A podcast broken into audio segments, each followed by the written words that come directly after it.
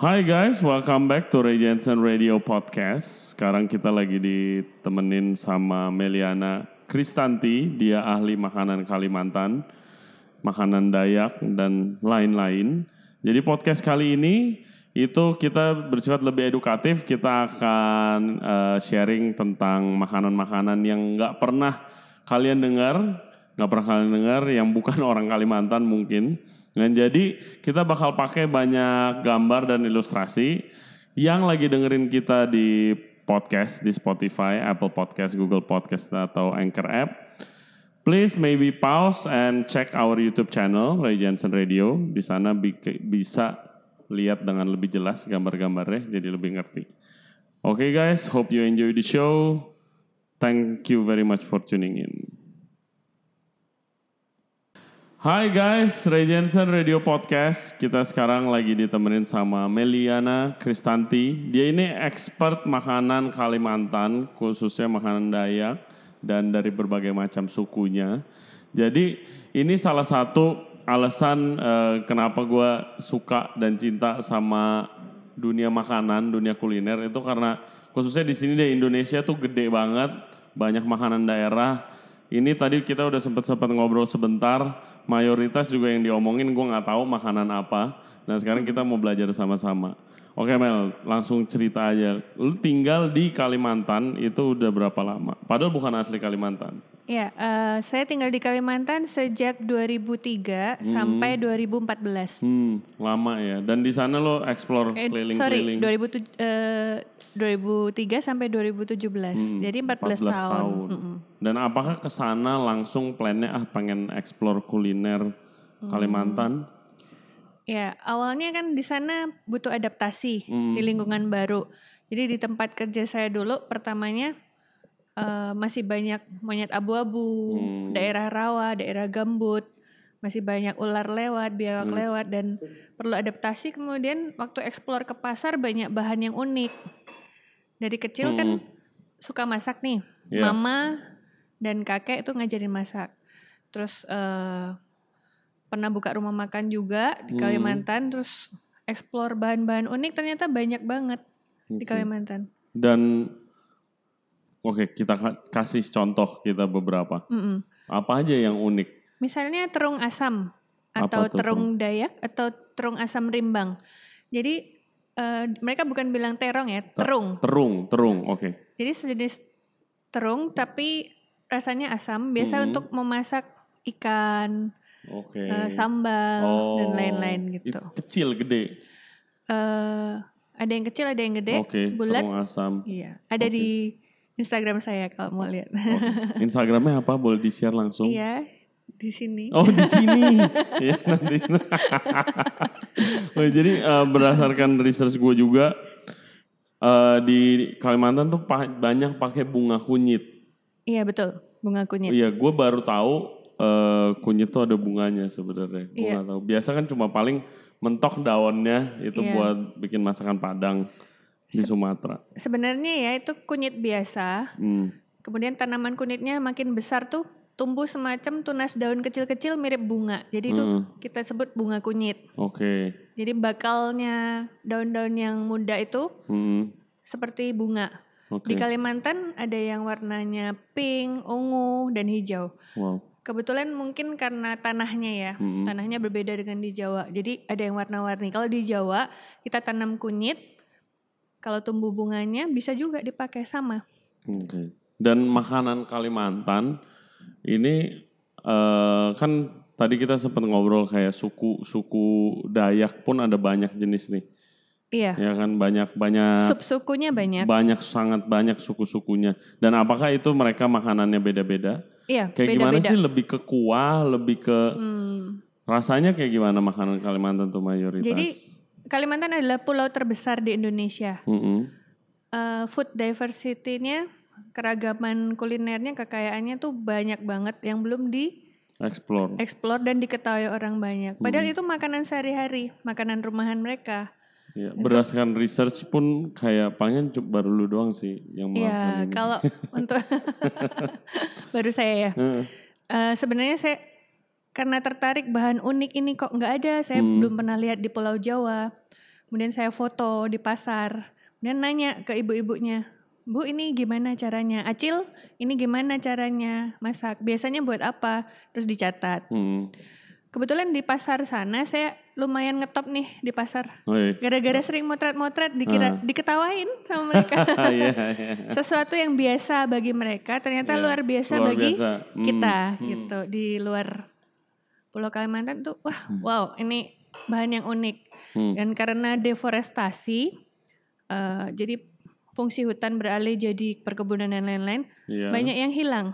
Hmm, karena masih banyak yang foraging gitu ya di sana Iya, kayak foraging. mengambil barang-barang liar. Oke. Iya. Terus eh nah itu gua jauh-jauh gua kerja di Denmark buat belajar foraging. Oh, Ya karena cool. di sana itu di di Denmark itu kayak makanannya kan sempat eh, tahun lalu tuh sempat ngebum makanan dari makanan liar. iya. Terus gue kerja di sana di Denmark. Terus ke sini waktu itu gue tahu nama lu tuh dari eh, Om William Wongso. Hmm. Ya kan jadi ada kompetisi masak seluruh Indonesia dan Om William Wongso tuh jurinya. Terus yang menang kebetulan Kalimantan dia masaknya ikan empurau. Ingat tuh dan itu Enak banget empurau. Memang ikan empurau ikan paling mahal, ikan air tawar paling mahal di Indonesia. Ya. Terus habis itu dimasak, dibakar di dalam bambu. Gue inget, gue Iya. cobain itu sangat enak. Terus ada daun yang namanya daun micin. Guys, ada namanya daun micin atau apa sengkubak. Sengkuba. Ya. Ya kan? Terus ya udah terus habis itu ada orang ibu-ibu dari suku Dayak terus dia cerita panjang lebar ini gimana.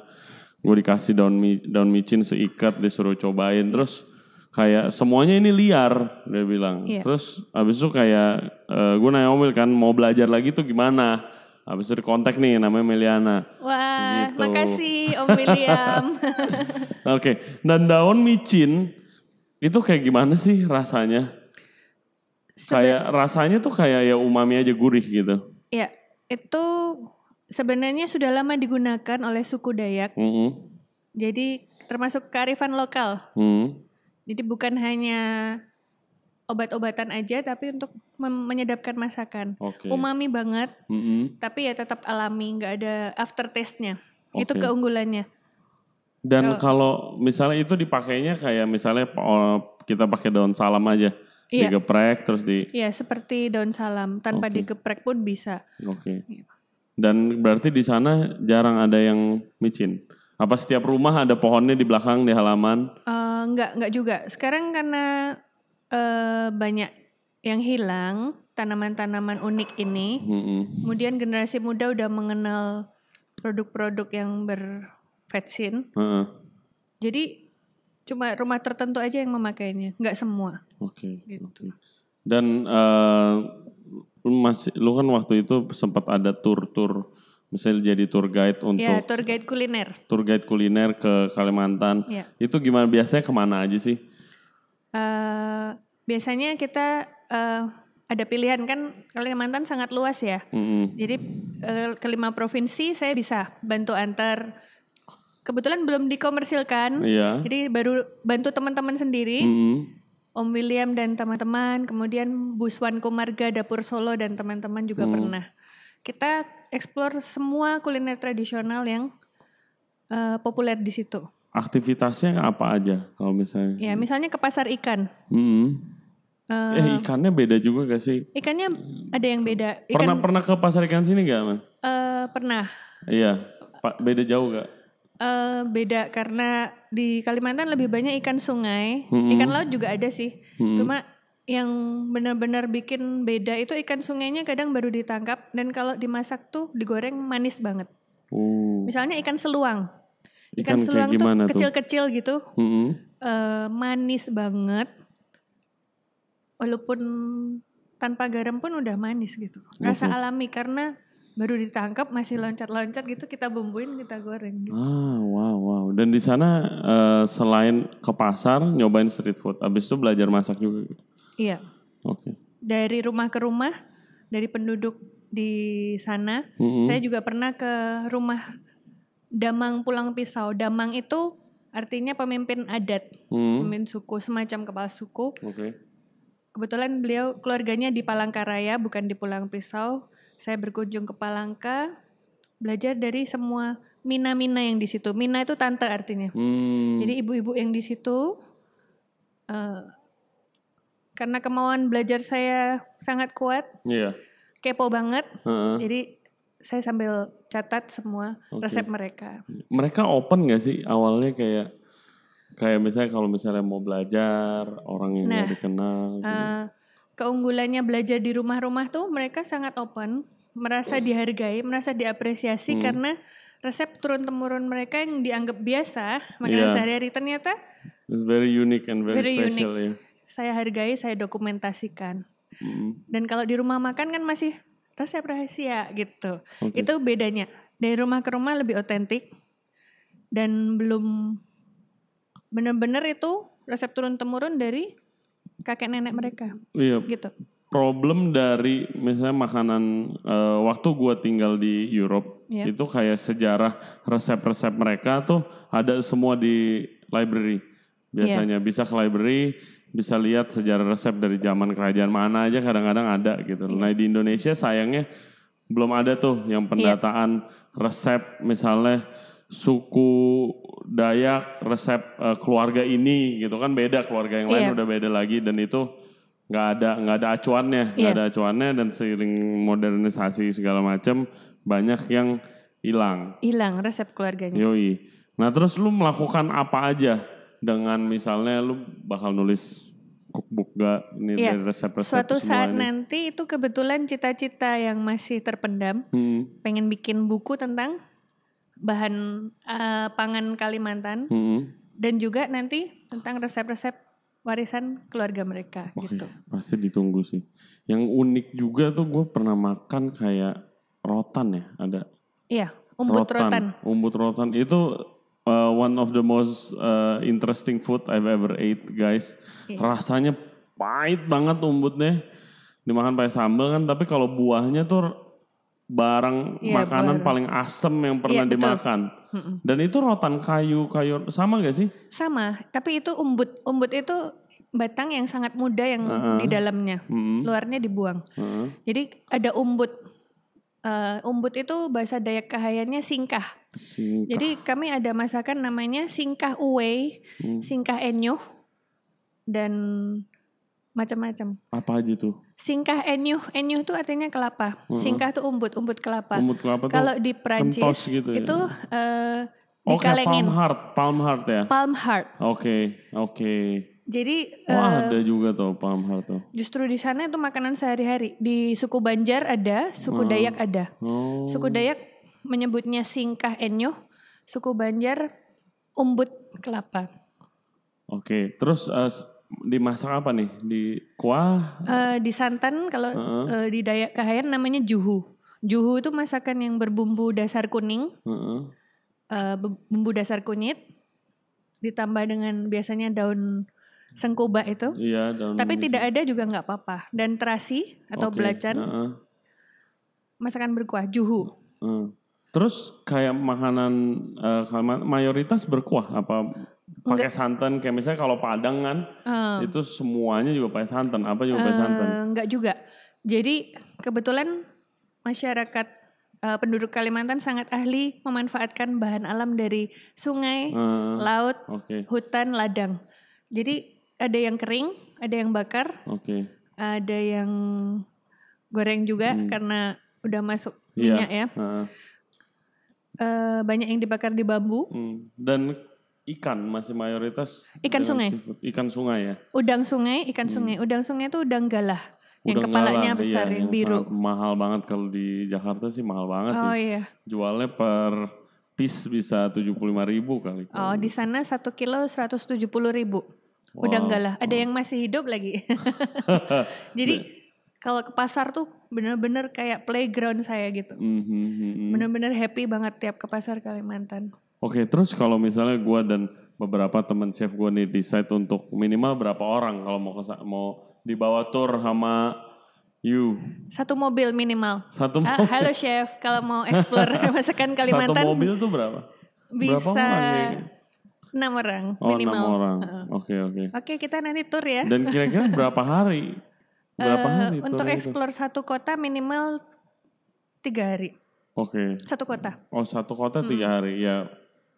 A week kali ya beberapa hari. Nggak tahu kalau seminggu pada kerja semua kan ini Iya. chef-chef ini. Weekend mungkin bisa. Oke oke. Terus your activity kesibukan sekarang apa aja? Kan belum lama ada pop up dinner. Iya, Ya di kan? Javara. Mm-mm. Terus eh, itu lu concentrate di apa makanan Lahan gambut. lahan gambut. Lahan Iya. gambut apa itu lahan gambut? Lahan gambut adalah eh, daerah seperti rawa Mm-mm. yang menyimpan banyak cadangan air. Mm-mm. Eh, kemudian kalau terjadi kebakaran biasanya agak lama dipadamkan. Jadi Oke. masyarakat diarahkan untuk menanami lahan gambut, memanfaatkan, memaksimalkan potensinya. Oke. Dan hasil-hasilnya tuh ternyata bagus. Nanasnya bagus, terus kemudian eh, gembili ubi-ubiannya juga enak, besar-besar hasilnya, Hmm. Oh, macam-macam gitu. Terus abis itu masak dengan course meal Iya. atau mak- jadi masak makanan Indonesia kan? Makanan Kalimantan semua Oh kebetulan. makanan Kalimantan Iya, semua. di Javara waktu itu bulan Desember ya, Oke. kalau nggak salah. Oke oke. Terus eh, pernah pop up di mana lagi? Pernah pop up di Goodfellas Resto di Heeh. Semarang. Saya masak rica-rica ular sawah.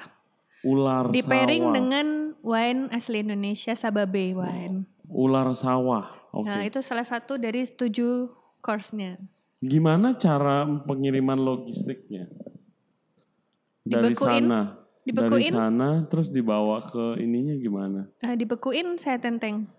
Oh Pakai gitu. itu, iya. Tapi kalau misalnya, oke, imagine misalnya ada suatu restoran di Jakarta misalnya mau Iya. pakai barang-barangnya.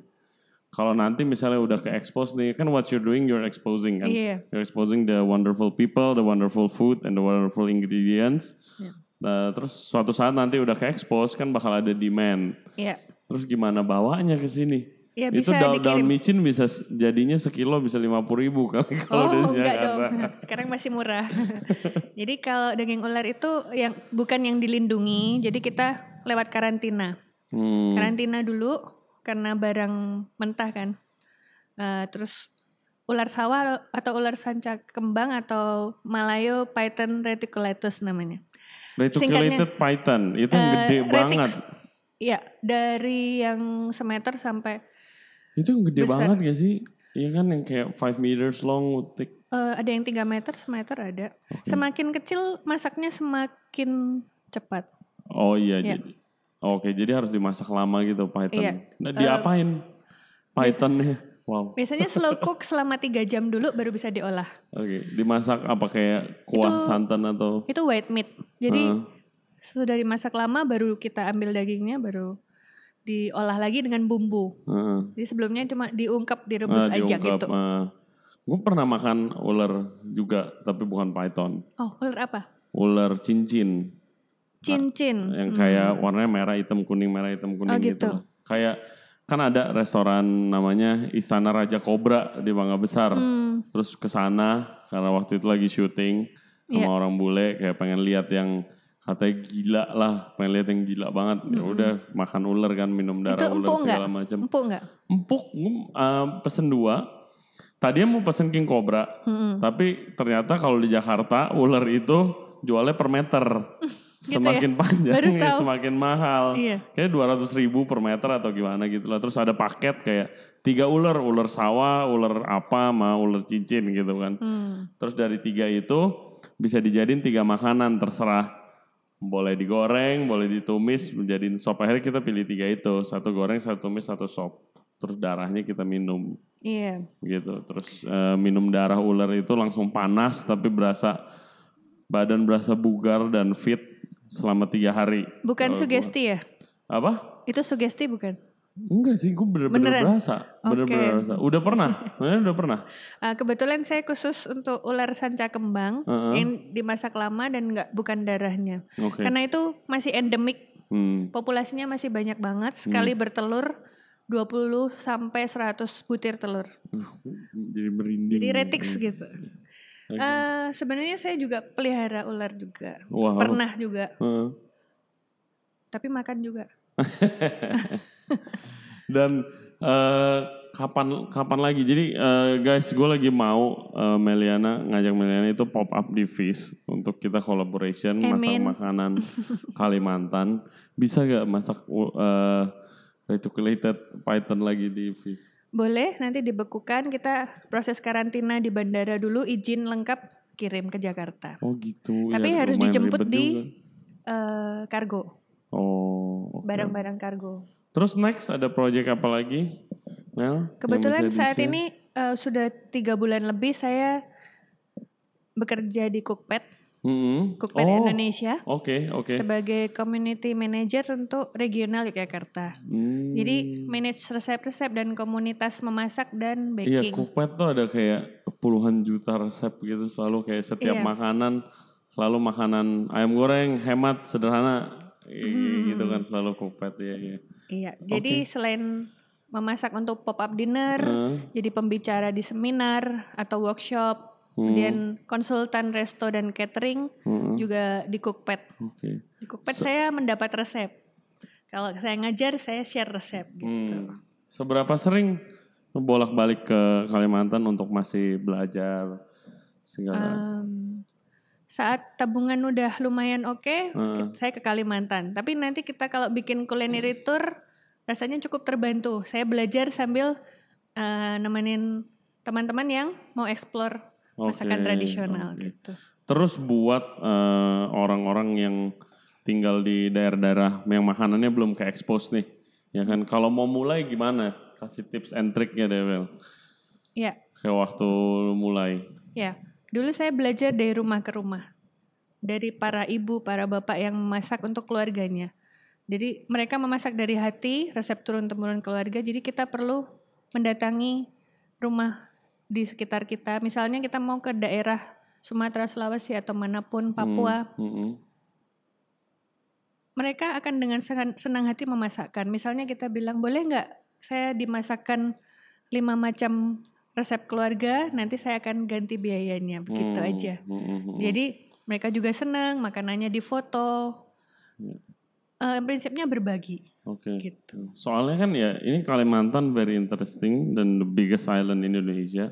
Tapi masih ada Sumatera, masih ada Sulawesi, Yep. masih ada Papua, Jawa aja belum semuanya gitu. Kemarin gue ke jalan-jalan ke Jawa aja banyak makanan yang baru pernah gue lihat Yep. gitu loh. Kayak ya guys yang di daerah-daerah tolong nah, khususnya yang di luar Jakarta tolong lebih explore makanannya dan lebih dan bisa di sharing juga ke kita kita karena kita sangat perlu untuk gimana ya perlu informasi perlu belajar ya kan? Dan abis itu kayak orang-orang kayak Mbak Meliana ini itu eh, sangat dibutuhkan lah buat kelangsungan makanan Indonesia gitu loh. Karena sekarang itu makanan Indonesia mulai dipandang tapi sayangnya kalau di Jakarta itu belum bisa masuk ke jarang banget yang bisa masuk ke restoran restoran yang kayak lifestyle restoran gitu Ya, yang masih fancy dianggap gitu ya.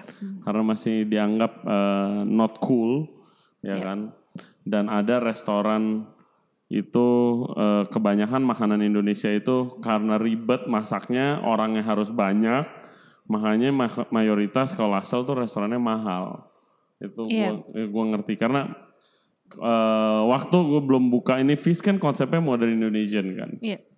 Eh, itu waktu sebelum buka Fish, eh gue kalau misalnya makan ke bunga rampai, ke yang apa merah delima, seribu rasa, itu kok kayak wah soto lima ribu gitu kan. Nah ternyata eh, waktu buka sendiri, ternyata tuh ya makanan Indonesia kebanyakan pekerjaannya labor intensif. Labor intensif itu berarti perlu banyak orang yang melakukan. Biarpun helper yang kerjaannya bikin bumbu ya tetap aja harus di blender satu-satu gitu kan terus kayak ya jadinya makanannya mahal karena harus bayar banyak orang basically like that that's what I found makanan Indonesia ada lagi yang mau diomongin Mel? Hmm, cintai kuliner tradisional dari daerah masing-masing. Wih mantap Gitu mantap aja. mantap sayang nggak bawa makanan nih ke sini ya, kapan-kapan. Oke guys, thank you very much for tuning in to our uh, our podcast today. Uh, cek Instagramnya Meliana dan cek di YouTube juga ada uh, Meliana itu Melena Kristanti. bikin yang gue paling menurut gue paling keren tuh bikin sambal sambal apa lagi Dadah belasan. sambal dadah belasan yang dibakar menurut gue itu keren banget Ya. dan jangan lupa explore makanan Indonesia googling googling dulu kalau belum bisa jalan-jalan ke daerahnya like and subscribe this video and our YouTube channel Ray Jensen Radio. Instagram kita Ray Jensen Radio. Bisa ngobrol juga ke Instagram Meliana dan Instagram gua Ray Jensen. And thank you very much. We'll see you in the next episode. Thank you. Bye.